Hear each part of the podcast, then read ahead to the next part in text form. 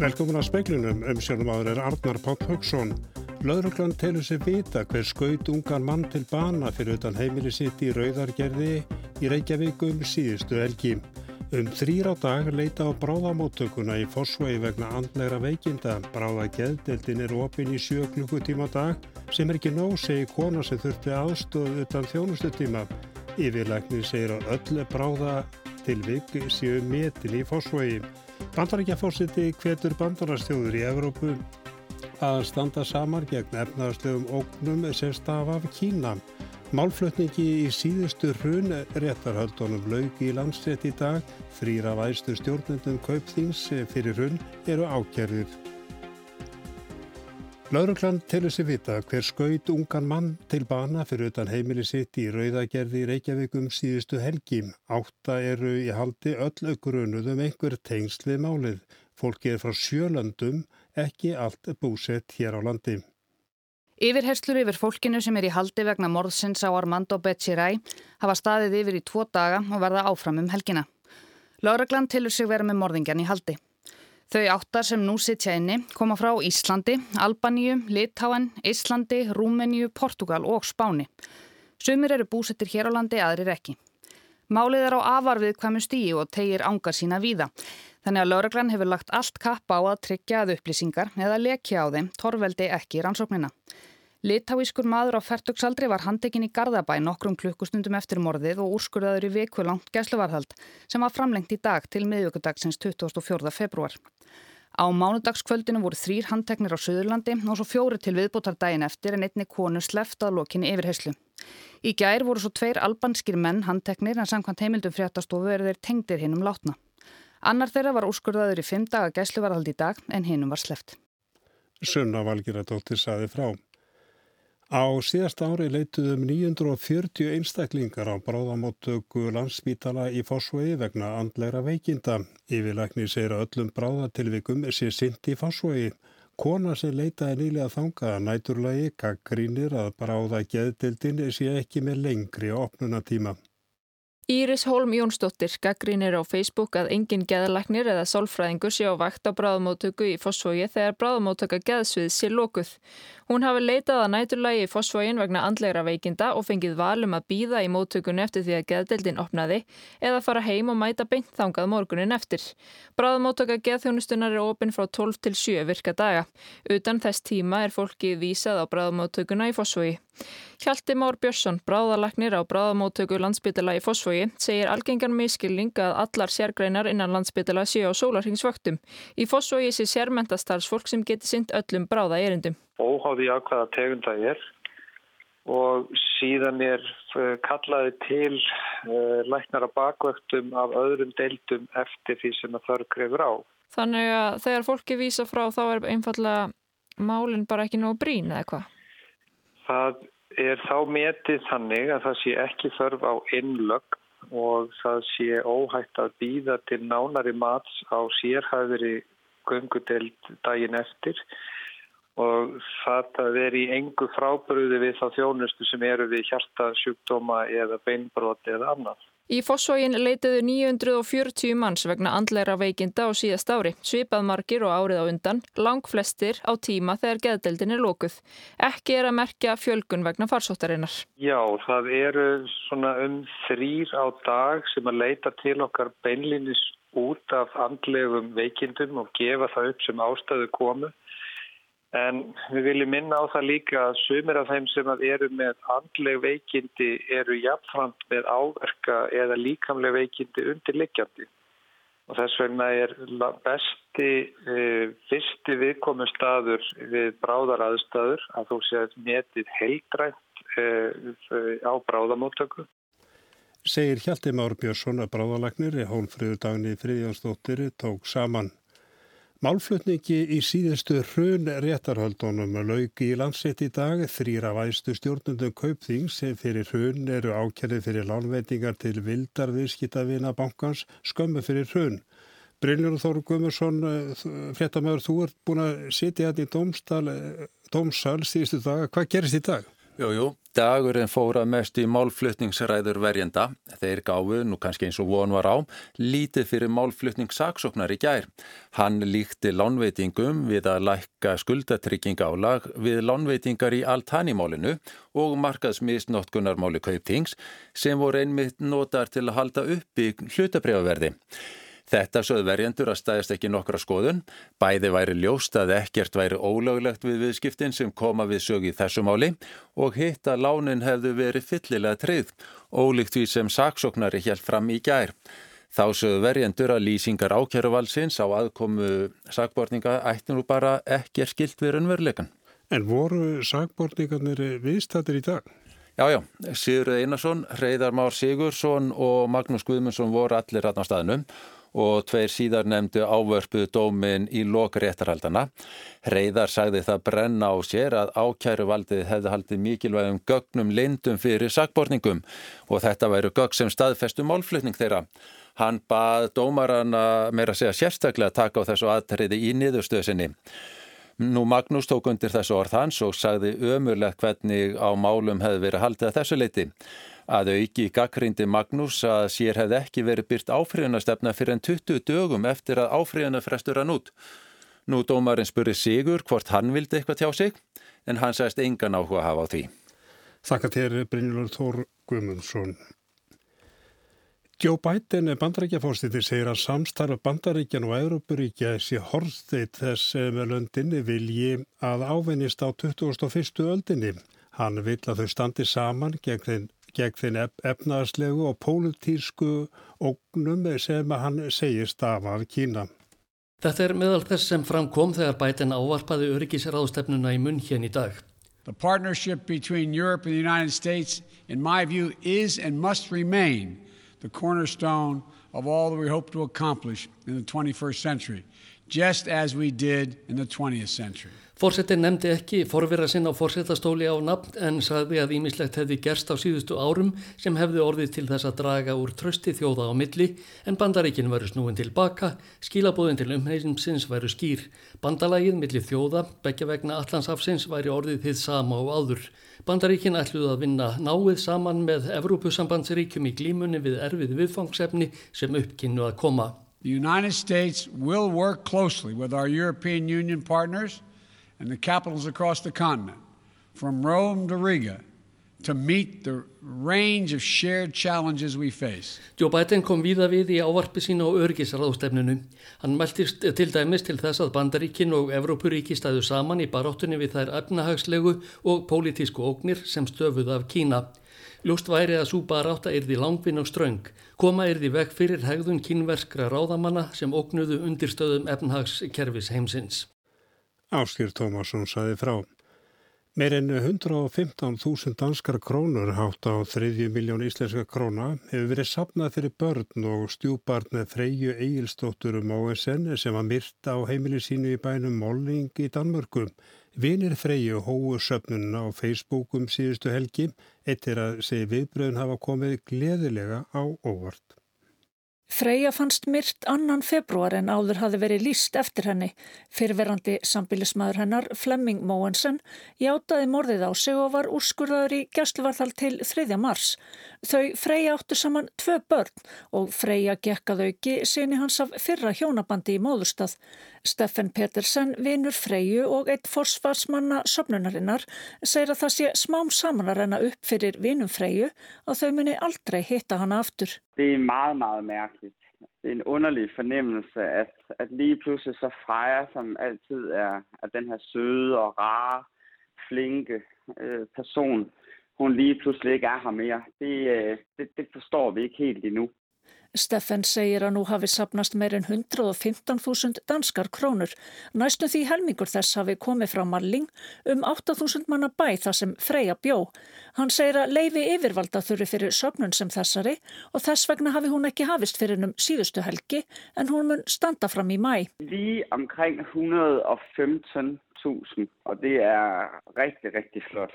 Freja øh, og familien boede jo i en lille by, der hedder Malling, og bare den by har samlet lige knap 44.000 kroner til Frejas børn. Sagði Steffen Pettersen, Anna Lilja Þórustóttir talaði við hann. Landilíkskjæslan er svo stopnun eh, samfélagsins sem flestir bera tröstil og fórseta ennbætti er í öðru sæti. Tröst fólks á ofinbyrjastofnunum hefur almennt aukist. Þetta kemur fram í nýjum þjóðapúlsi Gallup. 86% bera tröst til landhelgiskeslunar, 80% segjast bera tröst til embættis fórsetta Íslands sem er lítilsháttar aukning frá því fyrra og 79% treysta helbreyðskerfinu. Það er svo stofnun sem mestu trösti bæti við sig en það er nú 22% meira enn í fyrra. Um sjö hverjum Tíu treysta laureglunni, litlu færri eða 62% bera tröst til Sælabankans og tæpur helmingur treystir dómskerfinu. 32% segjast treysta þjóðkirkjunni og svipa hlutfall treystir alþingi. Einna hverjum fjórum treysti bankakerfinu en tröstið hefur aukist jæmt og þétt frá bankarunni. Það sama má segjum tröst til Sælabankan sem mælist nú 62%, 17% stegu meira enn í fyrra. 22% segjast treysta borgarstjórn Reykjavíkur sem er nokkuð meira enn á síðasta ári. Og það var Anna Lilja Þóristóttir sem að tók þennan pistil saman. 75% félagsráðgjafa telja starfi þeirra sér erfiðara nú á tímum með COVID. Þetta kom fram á málstofu sem félagsráðgjafa fyrir Íslands emdi til í dag. Hún bar yfirskrittina nýsköpun í félagsráðgjöf, tækifæru áskoranir á tímum heimsfaraldurs. En hvað þýðir þessi yfirskrift er hægt að tala um nýsköpun í félagsráðgjöf og tækifæra á tímum heims faraldus? Steinun Bergmann formað félagsins segir að COVID hafi reynda á félagsráðgjöfam eins og aðra landsmenn. Þegar að greipi sér til hertra sótvarna og annara regluna kallir það ný vinnubröð. Og það kallar á það að fólk þarf að sína hugmyndaauðgi og í raun og veru nýsköpun til þess að sinna þjónustu. Félagsrákjáður er að hitta fyrir viðkvæma hópa í samfélaginu, þá sem standa höllustu fæti í samfélaginu og sem eru háðir þjónustunni í raun og veru og þegar að e, þú mátt ekki hitta fólk og, og þú þart að e, veita þjónustuna í gegnum símanjafel eða, eða myndsíma eða slíkt það eru er ný vinnubröð fyrir félagsrákjafa. Félagsrákjafa var e, í sinni vinnu hitta fólk og mynda tengsl og eru þannig að veita stuðning einstaklingu sem standa höllum, höllum fæti. Það var gerð skoðanakorn á þessu fundi um e, já, hvort að e, starfið hefði verið erfiðara eftir COVID og 75% félagsrákjafa sem voru á þessu fundi sögðu að svo væri. Kemur þetta þér á óvart? Nei, þetta kemur alls ekki óvart og við, við höfum hjá félagsrákjafélaginu eftir að fylst með eh, hvernig staðan hefur verið og, og, og séð það hvernig vandin hefur aukist í samfélaginu og þar með álag á félagsrákja. Um leið að það verður uh, kreppa, uh, fólk verður að upplifa fjárasáhyggjur, fólk missi vinnuna, það eikst eftir ofbeldi og það kallar á ástand eh, þar sem að, að allir eru kvartir til að vera heima og þá þarf að finna leiðir hvernig segjum við heimilslösu fólki til dæmis að vera heima því að átt hverki heima það þarf að finna lausnir fyrir, fyrir þá, þá hópa og uh, þegar um er að heimilisofbildi að þá getur það verið mjög mikil áþján að vera þurfa að vera heima, þú ert kannski viðkomandi lokar heima með þeim sem beitir ofbildinu. Að það koma margar, margar áskoranir og, og hafa gert það. Og þegar að félagsrákja var eins og aðrir í, í landinu, það er, vin, heilu, er stundur stóri vinnustæður og það eru takmarka með að bara 20 vera á, á staðnum. Og, og, og það þarf að tryggja líka órófa þjónustu þannig að teimum er skipt í tvent í sinkvæmt sóknarna hólfi þannig að fólk kannski hefur ekki hitt e, samstagsfélagina nema á skjánum í, í, í ár, allt árið. Og uh, það veldur auknu álæg þegar þú fær stuðning svolítið frá þínu samstarfsfólki og þú þarfst að beita öðrum, öðrum aðferðum og þú þarfst að forgansraða hverja þú verður nöðsynlega að hitta og hverja þú getur uh, synd með rafrænum hætti til dæmis. Þannig að allt álæg í samfélaginu og aukning eftir þjónustu félagsvækju sem reyndin hefur verið á þessu ári að það sannlega skapar auki ála á félagsrákja og þannig að þessar tölur komir alls ekki óvart. Er gert ráð fyrir félagsrákjöfum já, almennt uh, í samfélaginu eru þeir kannski fyrst og fremst að uh, starfa í velferðarþjónustunni. Uh, er gert nægilega mikið ráð fyrir þeim þegar kemur að öðrum hlutum þegar hann farir ganga yfir? Það má kannski segja að það hefur auðvitað skort svona samfella má segja milli eins og almanna varnar kervisins og eins og félagsþjónustunar. Hvoru tveggja er í raun og veru e, þjónustas eða semst er, er kerfi sem að grýpur fólk sem lend, verður fyrir áföllum. Félagsþjónustan er stöðut að grýpa einstaklingar sem verður fyrir áföllum. En þegar sam, heilu samfélum verður fyrir áföllum þá fara almanna e varnirnar af stað og er áallan sem þar eru og það hefur verið skoðað e, millir milli Norðurlandana að eins og þess bara í Finnlandi og jáfnveil Nóri þar er þar er e, félagstjónustan, mikið, mikið samspil með félagstjónustan og almannavarna og það er hennilega skrifað inn í áallanirnar. Hérna á Íslandi að þá er félagstjónustunar getið í almannavarnar áallanum en, en í raun og veru ekki næjanlega, e, þetta er ekki næjanlega samtvinna þannig að við þurfum að gera betur. Þannig að það, sem gerðist þegar að þetta COVID-ástand kom upp að þá þurfti félagstjónustur svolítið að fara að skrifa nýtt verklag og endur skilgrina sig.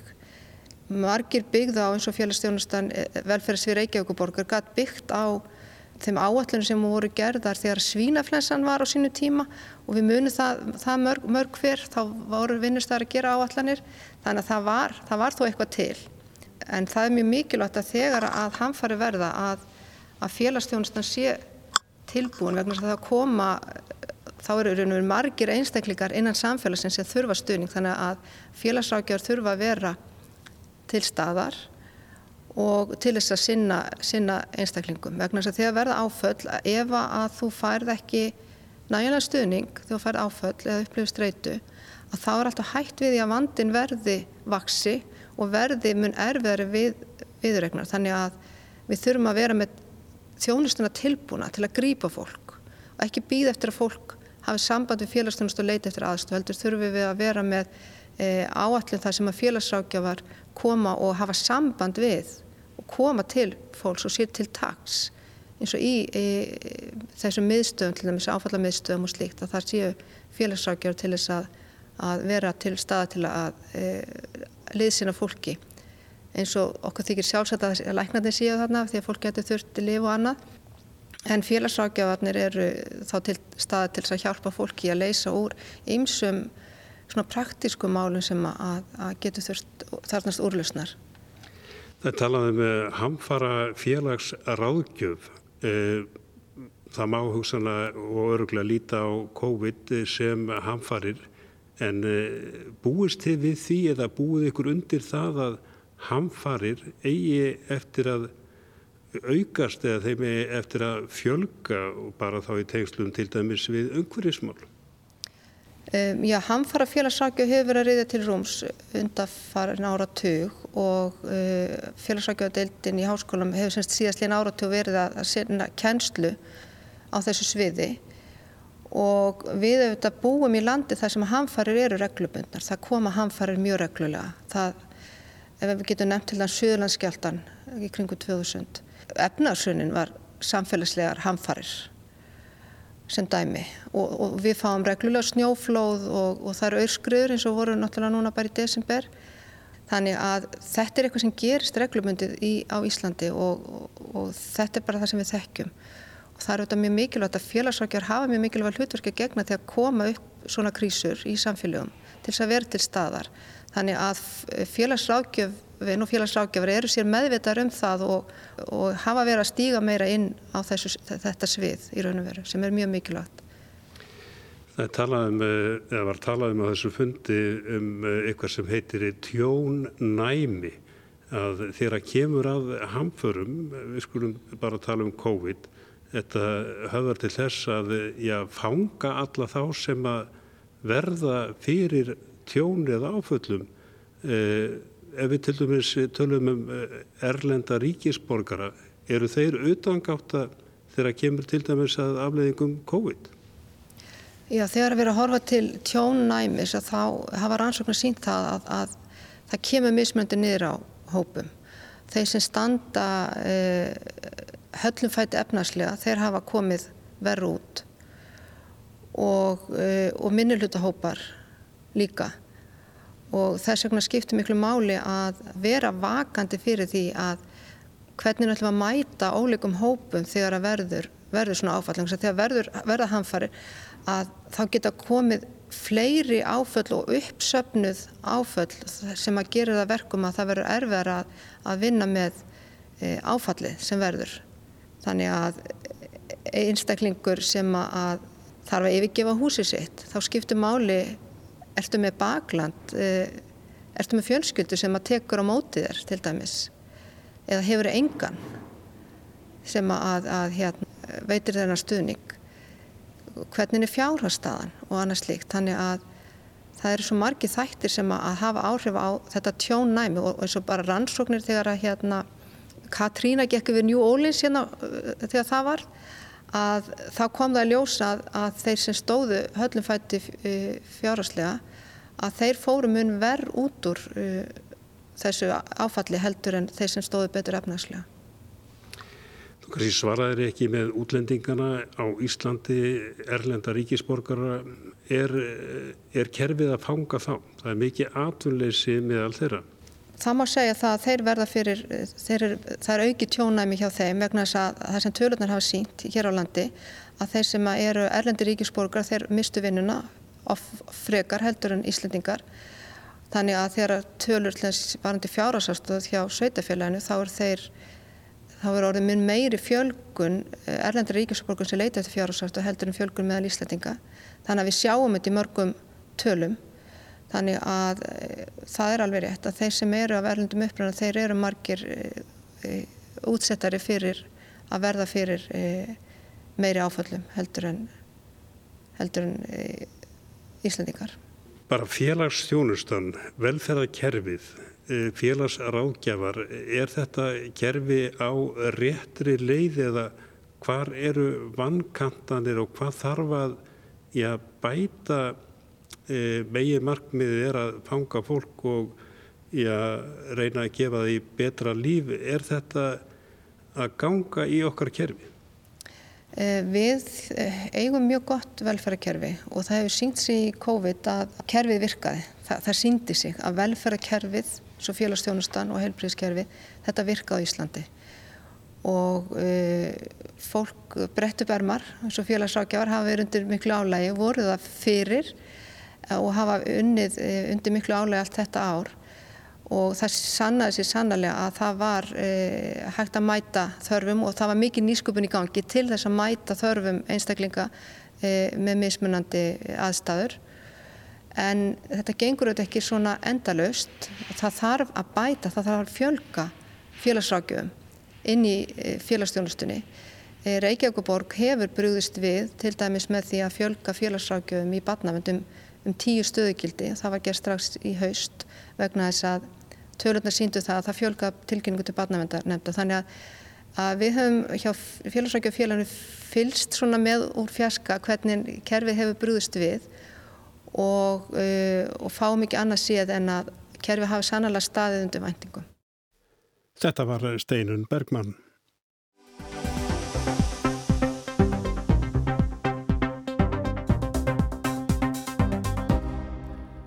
Normenn ætla að taka upp að nýju eitt hróðalegasta morðmáli sögu landsins. Ítla þokkaðir menni í bænum, Kristjánsandi, voru fyrir 20 árum dæmdir fyrir að myrða tvær stúlkur á barnaskóla aldrei. Nú er spurt hvort fordómar gegn mönnum með vafasama fortið hafi ráðið niðurstöðunni, sérstaklega þar sem sönnunargögnu voru fá og hæpin. Morðin á stúlkunum tveimur vekja enn óhugi Norgi meir en 20 árum síðar. Og sjösinnum hefur annar þeirra manna sem dæmdir voru fyrir ódæðin leitað eftir endur upptöku á máli sínu. Sá var þó dæmdur í öryggiskeslu í 21 ár til að byrja með, rétt eins og Anders Bering Breivik og hefur setið í einangrun í 20 ár við líkan kost og Anders Bering Breivik. Og fyrir í vetur var ákveðið að öryggiskeslan yrði framlengt. Og núna hafði endur upptökunemnd leið í heil þrjú ár yfir óskinni um að hinn dæmdi fengi að koma fyrir rétt á ným og leitað til færustu sérfræðinga innanlands og utan til að meta sönnunagögnin. Og svo kom niðurstaðan um að dómurinn væri hæfur til endur upptöku, ný viðhorf til gamalla sönnunagagna hefðu komið fram þótt engin ný sönnunagögn hefðu fundist. En endur upptökunemdin klopnaði í afstöðu sinni þrýr á móti tveimur. Þar með er nú beðið eftir nýju dómsmáli. Eitt möguleik er að ákjæruvaldi leggji til síknu og málinu ljúki snöglega eins og guðmundar á gerfinnsmálum á Íslandi. En sérstaklega það sem endur upptöku nefndin klopnaði um niðurstöðuna er gert ráð fyrir að krafist verði staðfestingar á gamla domnum. Vittni sem komi fyrir dómin fyrir 20 árum verða þá að revja upp það sem þau sögðu og vissu þá. Það þarf að meta sönnunagögn upp á nýtt og meta hvort það sem henn töldu og komu stað með bestu fáanlegu tækni fyrir 20 árum stendst skoðun í ljósu nýjustu tækni. Þetta á sérstaklega við mat á DNA sínum. Einni verður að meta nýju hvaða vikt í áttningar sem fengust með vafasöfum aðferðum í yfirheyslum eigi að hafa núna. Upp af þessa máls er að tvær stúlkur og barnaskóla aldri fór að synda í litlu vatni á baniheiði rétt ofan við Kristjánsand síðist í Noregi. Þær kom ekki heim en fundust myrtar við tjörnina eftir hróðalega meðferð. Við rannsókn á lífsinnum beintist aðtiklina tveimur ítla þokkuðum ungum mönnum í bænum. Það voru þeir Jan Helgi Andreasen og Viggo Kristjánsen. Það er Viggo sem nú hefur fengið dómin yfir sér tekin upp að nýju. Þeir tveir voru sannlega engir kórdrengir, dæmdir áður fyrir ofbeldi. Annar þeirra, Jan Helgi, játaði við yfirheyslur eftir að sé niðurstofur á rannsókn og lífsíninu og að farsími hans hefði verið á staðnum þar sem ódæðin voru framinn. Og hann bent á félagasinn Viggo sem samsekan. Viggo þrætti þá og hefur aldrei játað sekt sína. Helsta sönnunagagnið var einmitt framburður félagans og þar er bent á að lauröglan spurði Ján Helge eftir langar yfirherslur hvort hann væri ekki eiginlega bara fórnarlamp sjálfur í þessu máli og að hinn hefði ráðið för. Hann greip þetta halmstrá, sæðist bara að fyllt félaga sínum og slapp með 20 ára dóm og er nú lausur fangelsi. Um þetta sönnunargagn er nú deilt. Bauð lauröglan manninum upp á að vittna gegn félaga sínum. Einnig eru efasemtir um að DNA síni segi nokkuð um hvort Viggo Kristjansen var á staðnum eða ekki. DNA sínið bendir bara til að annar karlmaður hafi verið að verki en sínið var of ofullkomið til að sanna að það hefði verið Viggo. Verjandur Viggo segja að hann hefði hægt að njóta vafans. DNA sínið sé raun og veru ónýtt og einski svirði. Þessu til viðbótar er deilt um hvort farsími Viggos hafi verið á staðnum sem þá var nærri því utan þjónustusvæðis. Verjandur Viggo segja að þetta sannanagagt sé ekki heldur hafið yfir allan efa eftir rannsóknir margra símamanna í 20 ár. Sími Viggos var utan þjónustusvæðis í 40 mínútur, einmitt þegar morðin voru framinn. Líkur er á að hann hafi verið á morðstafnum en það er ekki sannað mál. Engin veit hvar símin var. Reknað með að réttur verið settur að nýju í vor Viggo setur enn inni í örgiskeslu og býður. Réttarhöld verða flutt frá heimabænum því þar hafa allir skoðanir á málinu og yfirleitt ítlan bifur á sakborningnum. Nýja reglur um dómsmál skipta líka miklu máli. Fyrir 20 árum skáru kviðdómendur úr um sekt eða sakleysi í sakamálum. Kviðdómur var skipaður ólöglærðum leikmönnum. Nú er búið að leggja kviðdómana nýður og það eru bara löglærðir dómarar sem dæma með aðstóð sérfræðinga. Kviðdómundur áttu ekki að raukstiðja nýðustöðu sína, aðeins að svara spurningunum sekti eða sakleysi með já eða nei. Engin veit því hvaða sönnunargögn réðu úslitum á sínum tíma eða hvort kviðdómundur töldu mannin sekan af því hann var ítla þokkaður fyrir, svipljótur og trúandi til verksins.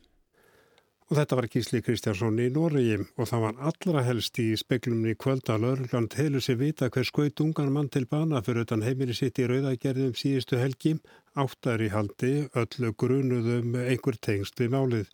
En speklun með lokið, Magnús Þorstein Magnússon var tæknumar verið sæl og góða helgi.